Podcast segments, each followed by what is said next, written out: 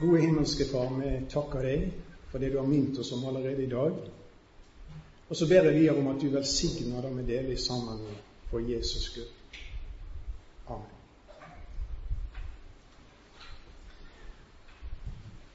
Som jeg sa i går, så har jeg fått en del spørsmål om hva temaet er. Og eh, han som kjørte sammen med meg her til i går, han spurte òg hva jeg skulle snakke om. Jeg sier ikke det før i dag, sier jeg. Så tar vi en liten quiz sånn i starten på timen, og så skal de få lov å se om de klarer å finne ut hva jeg skal preke om. Jeg har havnet i en liten bok i Gamle testamentet. Så har fire kapittel Nei, ikke lov. Ja, det er nok en inhabil her. Fire kapittel 48 vers. Han som skriver den boka, han blir omtalt i Peters sitt brev som en av de hellige Guds menn som talte breven av Den hellige ande. Altså han er profet. Men noe med det spesielle med denne mannen er at vi bare får vite noen veldig få ord av hans forkynnelse. Jeg tror på gresk er det fem, eller på hebraisk er det fem ord. På norsk er det sju ord og én bokstav. Det er alt vi får høre om forkynnelsen hans. Han virka innenfor i tidsrammer på sånn ca. 790-750 før Kristus.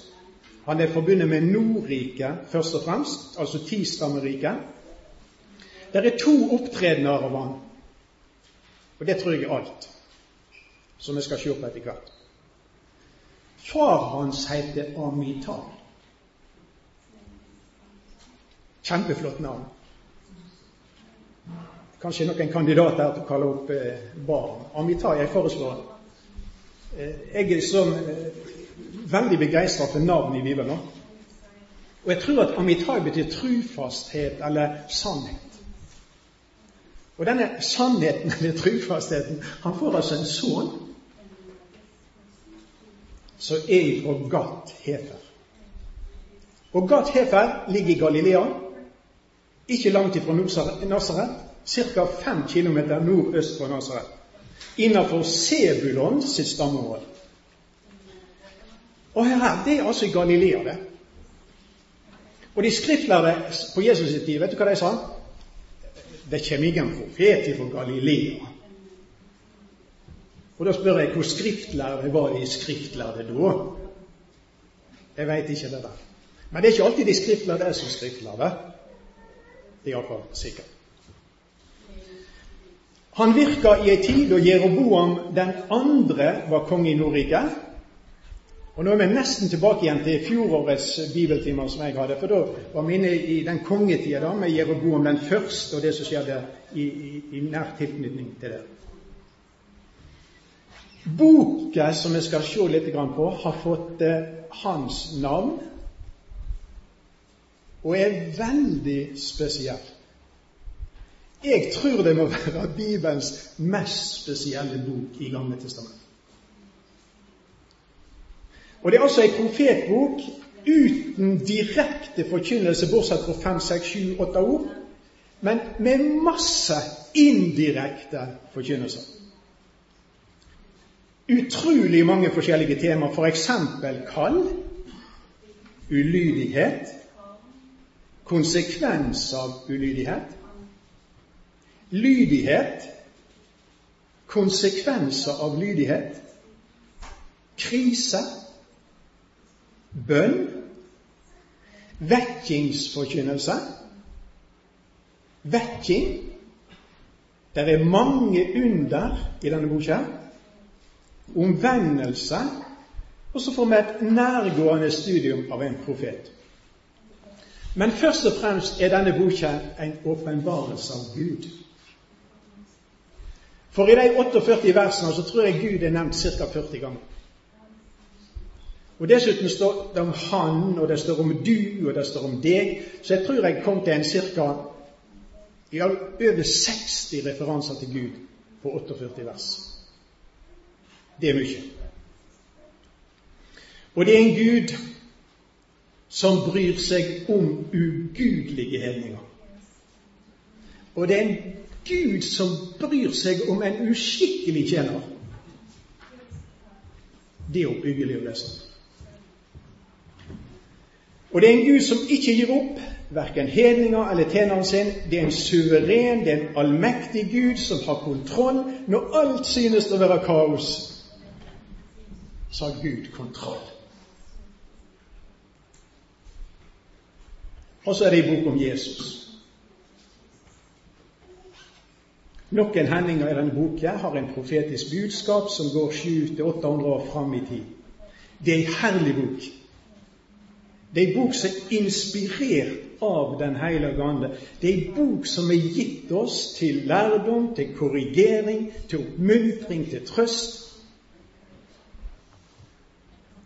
Jeg vet ikke om jeg skal be om unnskyldning, men jeg må lese 2. Timoteus 3, 16.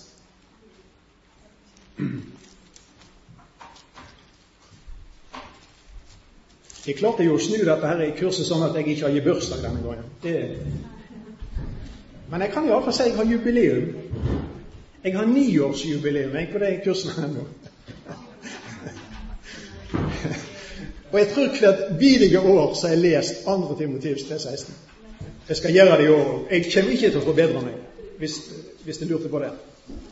For det er så viktig, syns jeg, at jeg har lyst til å ta det med i dag. Hele Skriften høy. Altså, hva er dette? Dette er Gud sin bokanmeldelse av Guds bok. Og jeg har hørt mye rart som sagt om Bibelen. Av folk som egentlig hadde forventa kunne si litt andre ting. Men det som er autoriteten for meg, hva sier Gud om denne boka? Ok? Hele Skrifta er innånda av Gud og nyttig til. Nyttig til. Nyttig til fremdeles. Lærdom, til overtyding, til rettleding, til oppseding i rettferd. Så Guds menneske kan være fullkommen, dugende til all god gjerning. Jeg har ingen unnskyldning.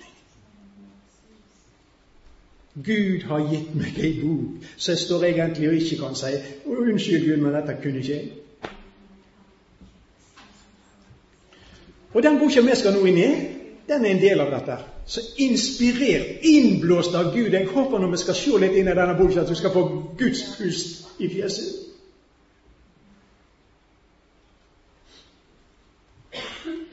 Og når du kjenner Guds pust, så vet du Gud er nær.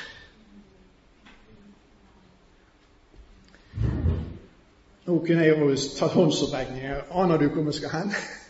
ja. Det skal slippe å, svare. Vi skal gå til Jonas, profeten Jonas. Og så skal vi se litt på um, en del av det som står i den boka.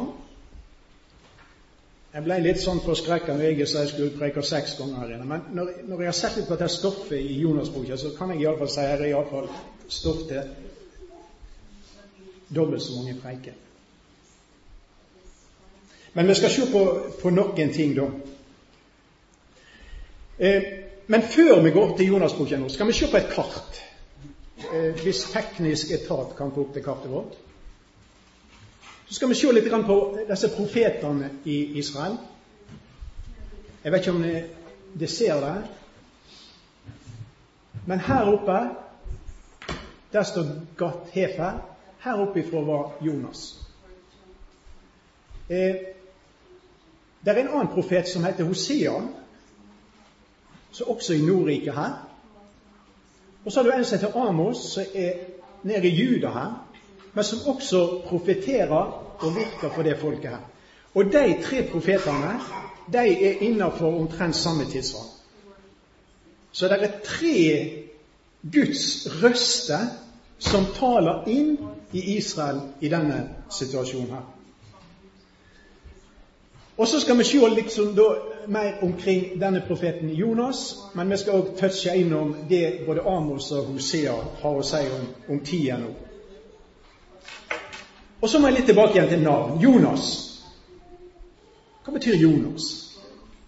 Eh, det som er kjent i Bibelen, det vet jo egentlig veldig godt òg, at navn i Bibelen det, det betydde mye. Hebreerne la veldig sterk eh, betydning i navn. Det kunne være et løfte, det kunne være en bønn som var knytta til et, et, et, en baby som ble født. Det kunne være spesielle omstendigheter. Og navn kunne bli forandra. Gud òg er nøye med navn. Det var ikke sånn at Josef Maria Engelen kommer nå må du finne på et lurt navn på babyen. Ja. Han skal hete Jesus. For så står det om Melkisedek når hans navn utlegges Det ligger en forkynnelse i et navn. Og så må vi, vet jeg at samtidig må vi være litt forsiktige, fordi at eh, vi kan jo egentlig gå, gå lenger enn vi bør av og til med, med navn og, og, litt sånn fantasi og sånne ting. Men når det gjelder Jonas, så har jeg funnet at alle er enige. Og hvis andre har andre opplysninger, så er jeg takknemlig for det. Men alt jeg har sett av, av betydning på Jonas-navnet, det er ganske enkelt due. Altså ei due. Og det syns jeg er et flott navn. Og det er jo den fuglen som oftest nevnt i Bibelen. det. Og i historier så kjenner vi veldig godt til duebegrepet. Den første gang du får høre om ei due i Bibelen, da ble den sendt ut et sendebud. Noahs ark. Jeg husker den historien. da. I politikk så snakker de om hauk og due. Det er noen eh, personer som er som hauker, og så er det noen som er som duer. Og det er en kontrast. For det at dua den er liksom sånn sakkmodig og sånn mild og sånn Ja, et sånn god, godt vesen med den. I jødedommen ble duene brukt til ofring fordi at det var rene fugler. Og så har de jo turteldue, sant? Både i Bibelen og på Sunnmøre. Og klippedue. Og så litt sånne forskjellige navn. Og i, hele, i, i, i Bibelen så symboliserer også eh, og Den hellige ande. Og det står for renhet. Og en ting til. Husker det Jesus snakket om du en gang? Jesus gir oss én opplysning om duer. Han snakker om at det skal være enfoldige som duer. Jeg er ikke sikker på hva, hva, som ligger akkurat i det, hva Jesus akkurat mener. da. Men det som er litt eldre, jeg kan på si på min alder, det vet hva foldeskjørt er. Vet ikke det?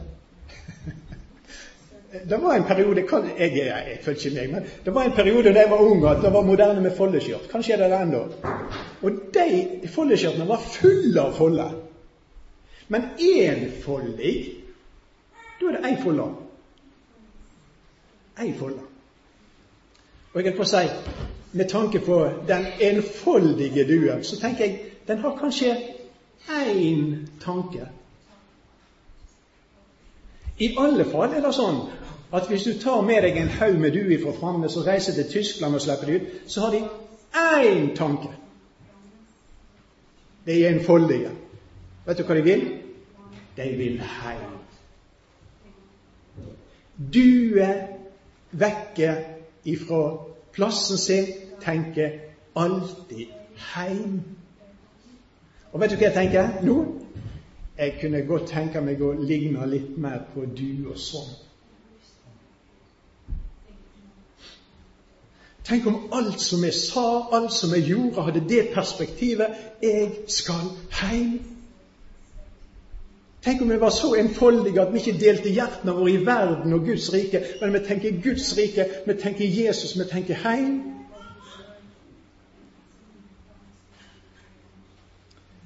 Jeg har hørt det er 300 forskjellige arter duer. Det er mange arter kristne òg. Veldig mange. Og så én ting til om duene. Jeg, jeg, må passe meg, men jeg syns det var så interessant å lese om duer i, i, i, leksikon og i, på Internett. og sånn. Altså, Du er jo voldsomt nyttig i deg. Og så leste jeg at i andre verdenskrig så hadde altså USA, troppene, eller administrasjonen i hæren, eller i, i militæret i USA, hadde oppdressert 54 000 duer. For krigstjenester Og de var brukt altså i ubåter, de var brukt i, i, i tanks, og de var brukt i, på båter. Og hvis de kom ut av kurs og opplevde forskjellige vanskelige ting, så kunne de sende brevdue hjem igjen. Med beskjed om posisjon, med beskjed om forskjellige ting som, som, som hendte. Eh, I India så brukte de inntil 2005 brevdue spesielt. De hadde klar haugevis med brevdue hvis det skjedde jordskjelv, hvis det var flaumer, hvis det var katastrofe, og disse vanlige tekniske hjelpemidlene ikke, ikke fungerte lenger hvis det ble slått ut, så sendte de brevdue med beskjed om fare og, og ting som, som skjedde. Og så i et sykehus på England leste jeg, der hadde de altså brevdue som sendte blodprøver til laboratoriet.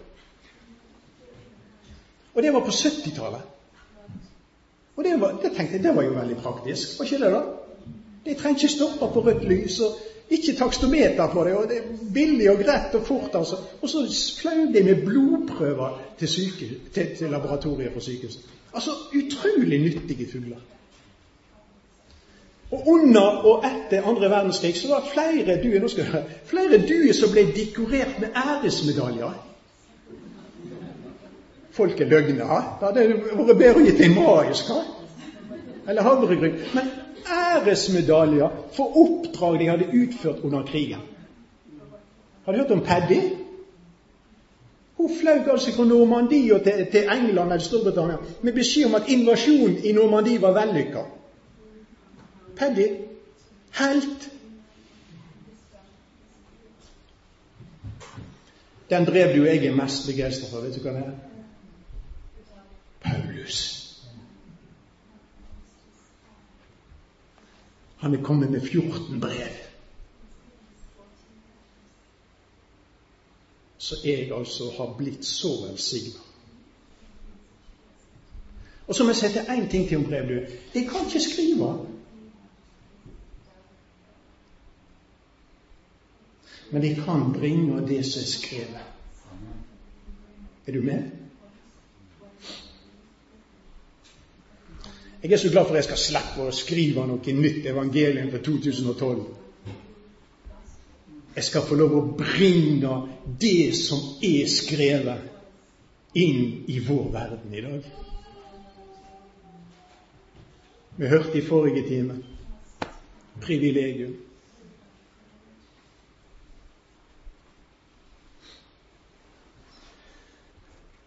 Ja, vi, skulle, vi, kunne sagt andre ting. Vi må bare gå videre. Og Så må vi gå nå til andre kongebok. Og så skal vi se Jonas, da, som er omtalt så langt jeg kan skjønne første gang tidsmessig i Bibelen.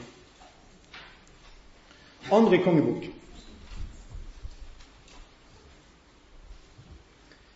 Eh, kapittel 14.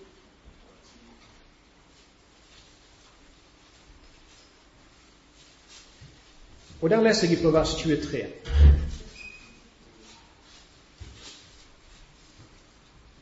I det 15. året til judakongen Amasja, sønnen til Joas, ble Jeroboam, altså dette er Jeroboam den andre, da, sønnen til Israelkongen Joas, konge i Samaria.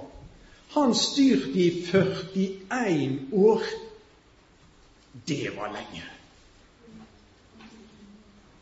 Jeg tror han ligger på andreplass av konger i Juda og Israel. Det er en som heter Ussia, eller Ussa, heter han. Han styrte vel i 52 år. Men ellers så, så slår jo han her alle. Han måtte være bra konge, Han gjorde det som vondt var i Herrens øyne. Han vendte seg ikke fra noen av de syndene som Jeroboams sønn til Nebat hadde gjort, og fått Israel til å gjøre. En ugudelig knark. Og så står det i neste vers Han vant at landområder som hadde hørt Israel til, fra der veien går til Hamat og til Øydemarkshavet, slik som Herren Israels Gud hadde talt gjennom profeten Jonas, tenom sin, sønn til Amitai, fra Gat heter. Kan han få opp det andre kartet? Eh, tida som Jeroboam altså regjerer.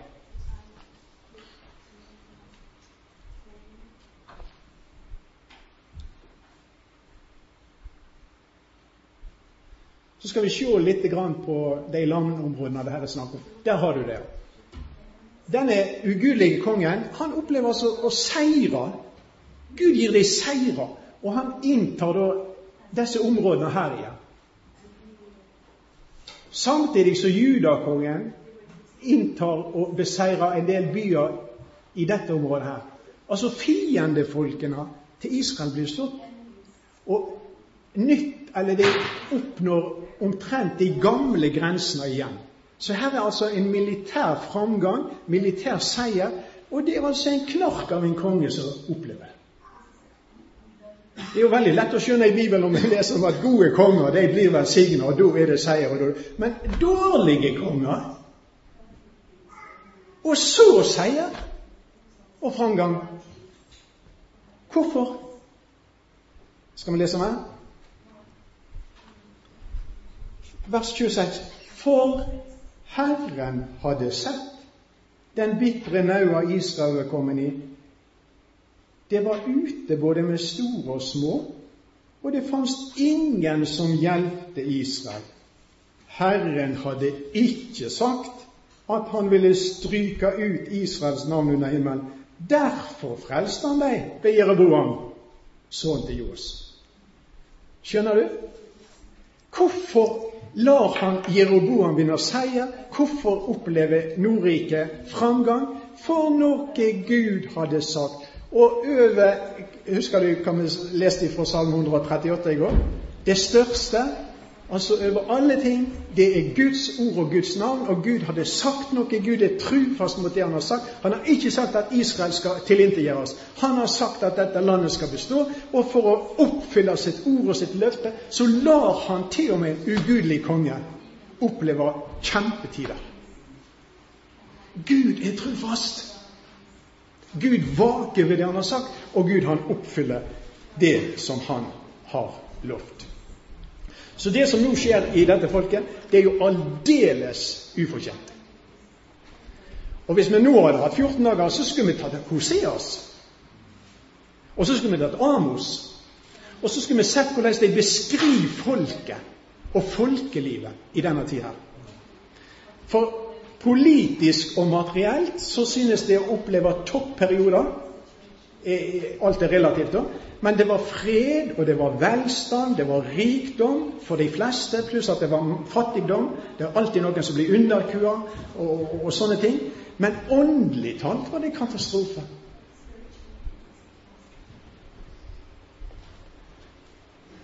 Vi må bare ta et par ord. Eh, vær med til Amos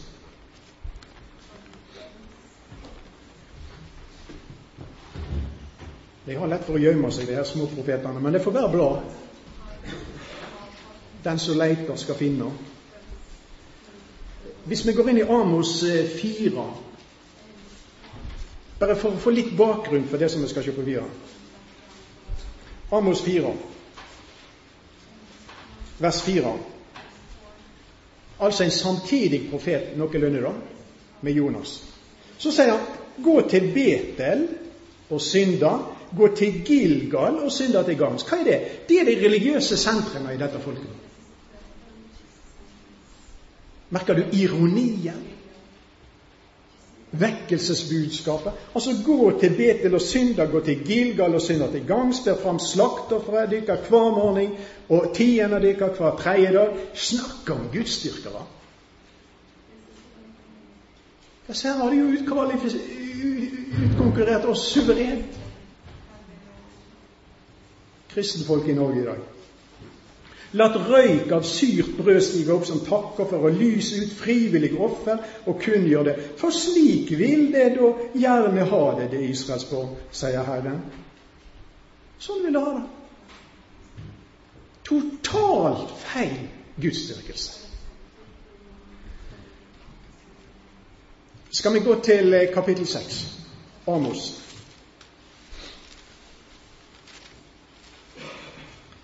Og så leser vi fra vers 4.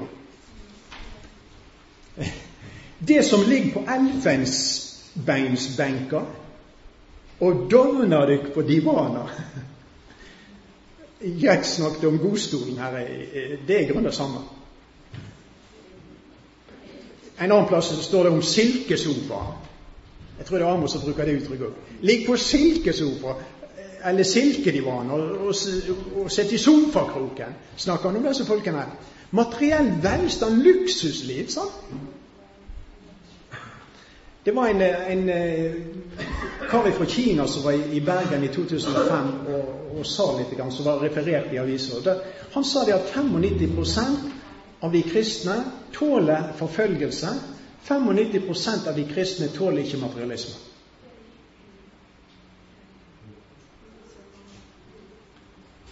Det kan være noe å tenke på i, i vår tid. Og det er det samme igjen. Altså, det er ingenting nytt under sola. sant? Det samme her òg. Det som ligger på elfenbenker og dovner deg på divaner, som er et lam fra flokken og kalver fra fjøset, som leker med tonene på harpa og finner opp nye instrument, liksom David, som drikker vin av skåler og salver deg med den fineste oljen, men ikke sørger over Josefs skade. Der har du det åndelige. Ser du ikke tragedien? Josefs skad, feil forhold til Gud.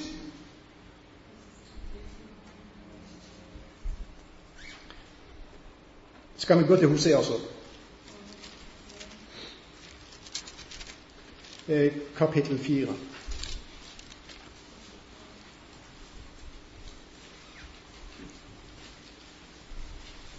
Høyr Herrens ord, vers 1. Høyr Herrens ord i Israels borg, for Herren har sak med de som bor i landet, fordi det ikke finnes sanning og ikke kjærleik og ikke Guds kunnskap i landet, men masse religiøsitet. Vers 6. Folket mitt går til grunne fordi de ikke har kunnskap. Fordi du har vraka kunnskapen vraka er deg, så du ikke skal tjene meg som prest. Du gløymte lova til en Gud. Derfor skal jeg òg gløyme barna dine. Vet du hva det er? Det er Israels historie. Og det er Norges historie. Folket vårt går til grunne fordi de ikke har kunnskap om det de burde ha kunnskap om. Og det som har skjedd Jeg skal ikke bruke tid, men det som har skjedd de siste 30 år, 40 år med dette landet, det måtte jo sjokkere oss enormt. Men det har gått sånn litt etter litt etter litt. Men tenk deg 40 år tilbake i tida, og så 40 år fram og få sjokk.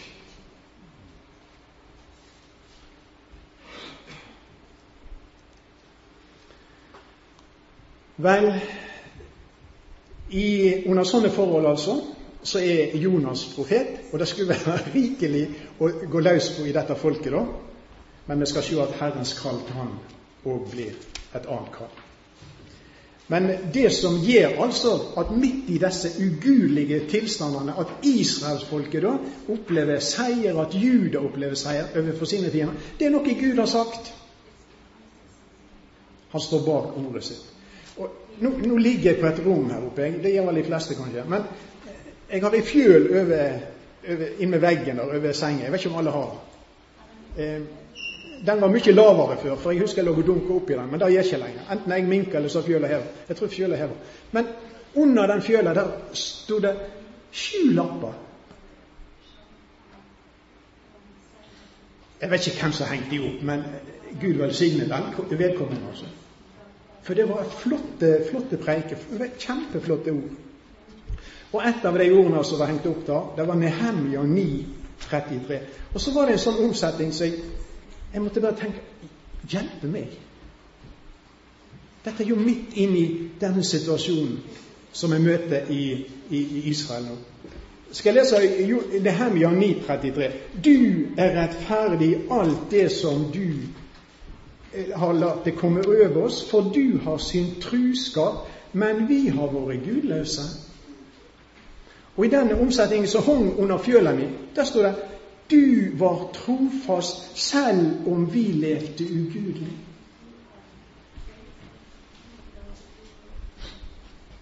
Tenk om Gud hadde bare vært trufast når du var gudelig.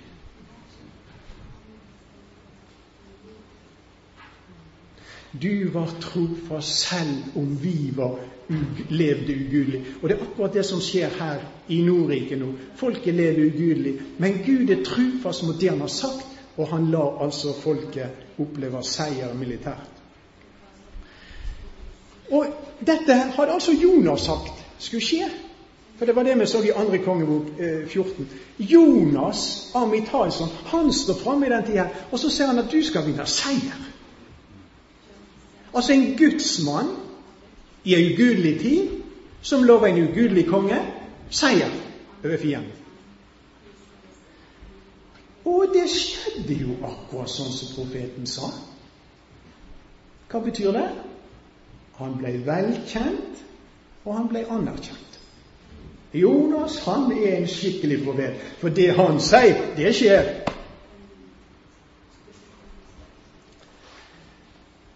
Det var litt bakgrunnsstoff. Og så går vi til Jonas boka, da. Er ikke det den femte av det vi kaller småprofetene?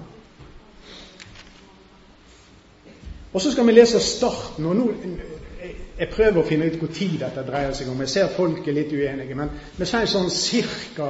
760 før Kristus. Cirka, cirka, med to spørsmålstegn.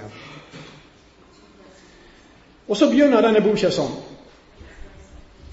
Herrens ord kom til Jonas. Ser du hvor hun starter? Hun starter akkurat sånn som Bibelen starter. For i første Mosebok der leste du òg om Herrens ord som kjem, og da spør jeg kan det bli bedre?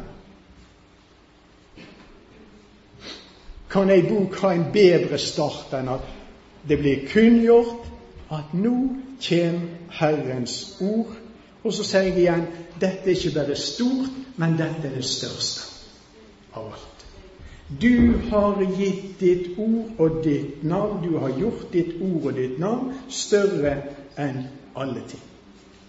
For det største som skjer i universet, det største som skjer i tilværelsen, det skjer når Herrens ord kommer. Og det må vi rope ut til Guds folk i Norge i dag. Det største i skaperverket, det var Herrens ord som gjorde det. Det største i frelsesverket, det er Herrens ord. Det største i verdens historie, det er Herrens ord. Det største i de personlige historier, det har med Herrens ord å gjøre, at det kom til deg. Redningen veldig ofte for Israel i den gamle tid og gamle pakt var at Herren sendte sitt ord. Det kunne se kålsvart ut. Og så kom det en eller annen sendt ifra Herren med Herrens ord. Og så kunne ordet snu situasjoner, og ordet kunne snu nasjoner. Ordet kom fra Gud, ordet var Gud, og så ble mange berørt. Herrens ord kom til Jonas, som til Hosea, som til Jeremia, som til Esekiel, Elias, Zakaria, Hagai, Joel, Mika, David. Vet du hva Skriften kaller sånne folk? Johannes 10. Vær med til Johannes 10.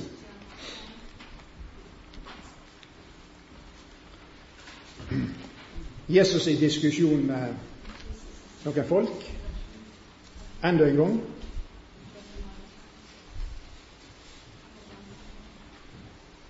Og så sier han i vers 35 Når lova kaller de som Guds ord kom til, for guder Og så kommer en veldig viktig understreking. Og Skrifta kan ikke gjøres ugyldig. Men hør hva Jesus sier. Lova kaller de som Guds ord kom til, for guder. Og så kunne jeg spørre den eh, kjære forsamling her i dag hvor står det i lova?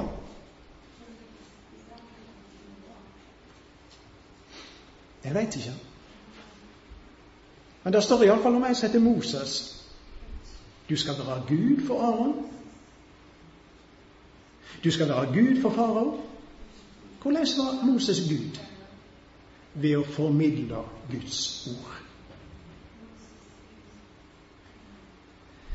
Sånne guder skal ikke tilbedes. Aldri.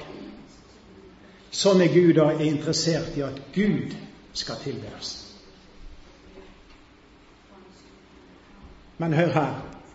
De mennesker, enten store eller små, uansett hvor de er i denne verden, så får ord ifra Gud, de stiger kolossalt i verdi.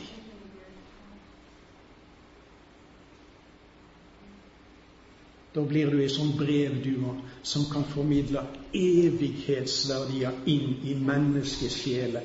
Og det er altså toppen av alt som går an i denne verden.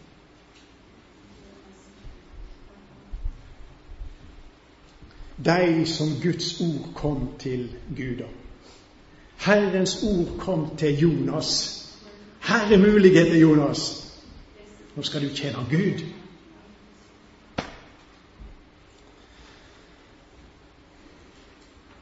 Mottaker av Herrens ord, og så skulle han formidle Herrens ord. Det står et uttrykk som, som av og til dukker opp i tankene mine. Andre Korinterbrev 5 er det vel så er vi da sendebud i Kristi stad. Vi ber i staden for Kristus. La dere forlike med Gud. Hva er det? Det er Gud i funksjon. Fordi at jeg formidler Kristi ord inn i en ugudelig verden. Vel, starten på, på Jonas' bok er maksimal. Jeg tenker du kunne jo ikke få en bedre begynnelse. Herrens ord kom til Jonas. Og så må jeg òg si når dette ordet kommer til våre hjerter, da skjer det mer enn vi til vanlig begriper og tenker, tror jeg. Og når disse ordene fra Herren åpner seg, da blir ting annerledes. Guds ord er et under. Men det er ikke alle som ser under, og det er ikke alle som erfarer under. Du kan faktisk òg høre Guds ord altså være steinhard og ikke registrere noen virkning. Ordet de hørte, ble det til ingen nytte, fordi at det ble ikke smelta sammen med sjel. Det er ikke mange som forkynner det, men det er en mulighet, det òg. Og vet du hva jeg ber Gud om? Å få et sånt hjerte som altså kan ta inn disse ordene og leve sånn at disse ordene kan åpne seg, og lyset fra disse ordene kan skine inn i livet og situasjoner og hverdagen og tjenesten vår, alt det samme. Den lengste salmen i Bibelen, det vet jeg, det er Salme 119, og du vet sikkert også tema. Den lengste salmen i Bibelen har tema Guds ord. Salme 119, 130. Et par ord. Når orda dine åpner seg Jeg tror de har registrert det, jeg tror de har opplevd det, jeg tror de har erfart det. Det er et fantastisk under. Når ordene dine åpner seg, gir deg lys, de gir hvit til enfoldige Vær enfoldige som du er. Her kan du få vet. Hoseas han kaller, han kaller faktisk Israelfolket for, for ei due to ganger, tror jeg den bruker det ordet. Israelfolket. Ei due som ikke har vet, sier han da.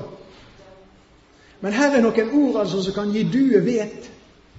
Den enfoldige kan få vet. Når ordene dine åpner seg, det har med forstand din å gjøre. Det har med at du skjønner ting som du ellers ikke skjønner. Men du må inn under dette lyset fra dette ordet. Salme 119, vers 18.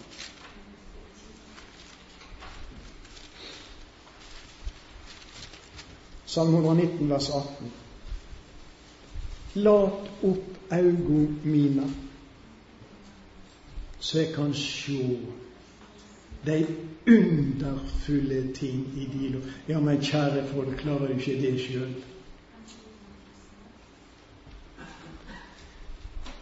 Mennesket falt så dypt at det til og med trenger hjelp til å se og skjønne det Gud sier.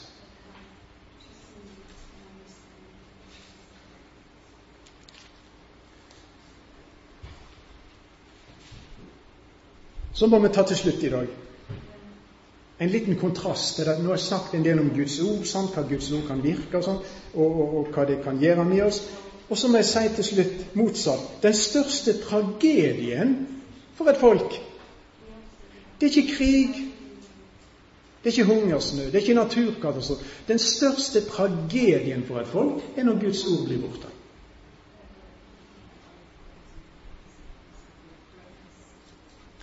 Husker du hva vi leste i Hoseas 4, vers 6? Mitt folk går til grunne. Og hvor trist. Fordi de ikke har kunnskap, fordi de ikke kjenner Gud, fordi de ikke kjenner Guds. Mitt folk går til grunne. Undergangen for et folk er når de skubber ordet vekk, eller ikke vil ha med det å gjøre. 13-tallet, det er jo sånn ulykkestall, sant? Jeg vet ikke om du tror på 13-tallet og svarte katter og sånt, men over, veien. Men ordtøket 1313, det er lett å huske. Og det er iallfall eh, referert ei ulykke.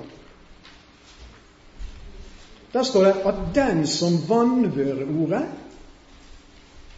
ødelegger seg sjøl. Men den som har age både, han får lønn. En veldig klar og enkel vei til sjølødeleggelse. Vanvøre, altså forakter Guds ord. Så enkelt er det. Så ødelegger du deg sjøl. Er det noen som sier det til folk? Første Samuelsbok, kapittel 3. Ei mørk tid veldig mørk tid i israelsfolkets historie. Gutten Samuel tjente Herren, og Eli hadde tilsyn med ham. Herrens ord var dyrt, altså sjeldent, i de dager. Av syner var det få. Mørketid i Israel. Herrens ord lite av. Visjoner, syner for Gud lite. Og Guds lampe, vers 3, hadde ennå ikke slukna. Hør på det, da. Hadde ennå ikke slukne. Altså, det går den veien. Sånn? Men så reiser Gud opp et, et menneske som gjorde at situasjonen ble forandra. Men det beskriver allikevel en forferdelig mørk situasjon, fordi at Guds ord har fått minimal plass i dette folket. Og eh, Johannes' åpenbaring 2 og kapittel 5, vers 5 der står det om en menighet, og det er menigheten i Efesus. Eh,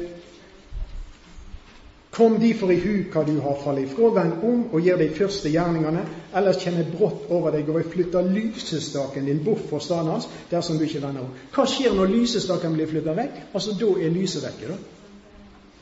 Jeg var i Efesus eh, for et halvt års tid siden. Og alle syntes det var så interessant. Sant? Og det er jo interessant, men det er jo tragisk. Det er ingen kristne menigheter. Så vidt jeg vet, iallfall. Men, kan, ja, det kan være. Men jeg traff iallfall ingen denne. Det er et totalt mørkt område, det meste av Tyrkia i. Altså, det er, ikke, det, det, er ikke, det er ikke tull og tøys. Hvis lysestaken blir flytta vekk, så blir det mørkt. Og det er landet vårt og folket vårt som vi lever i i dag. altså Hvis de forkaster Gud, så det kan ikke bli annet mørkt. Og hva skal du med milliarder av oljekroner hvis folk går fortapt?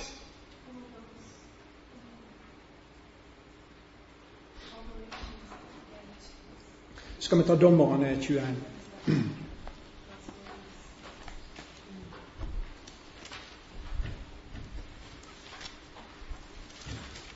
Dommerne, det siste, siste kapittelet.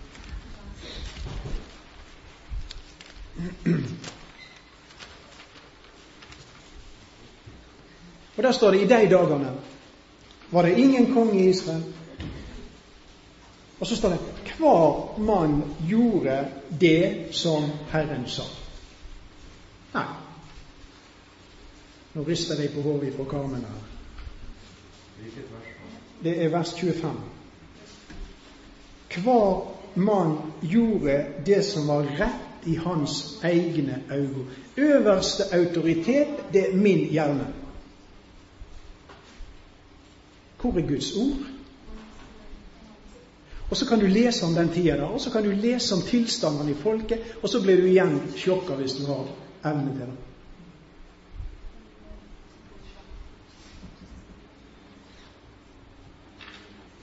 La meg slutte med det.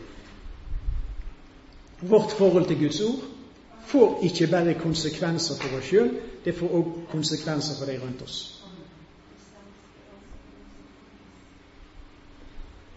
Og min bønn er egentlig la dette Jonas-underet skje stadig og daglig, at Herrens ord kommer til oss. Igjen og igjen og igjen og igjen. Og vi trenger ingenting nytt, egentlig, men vi trenger de gamle tingene på nytt. Det som snudde opp ned på verden ifra de første kristne utover. Det har jeg veldig tro på fremdeles kan forandre mennesker. Men det må være noen brevduer, sant? Oi. Noen brevduer som kan gå dit Herren sender deg. Jonas. Amitai, sønn av sannheten trofasthetens sønn. Far i himmelen, du har hatt hva vi har delt i formiddag. Jeg bare ber om at du måtte kunne bruke dette tida. Og vi takker deg og vi priser deg fordi at vi får lov å leve i et land der vi kan høre og lese ordet ditt som vi vil. Jeg ber om at vi må ha sånne øyre som kan høre din røst. Øyre som kan høre din tale. Og la oss ha sånne hjerter som kan ta vare på ordet ditt. jeg ber om litt mer brann i hjertet mitt. Og for å være litt mer enfoldig. Ikke så kolossalt opptatt med feil ting. Ei folde, ei sak. Ta deg av oss av takk for din tålmodighet og din miskunnhet. Amen.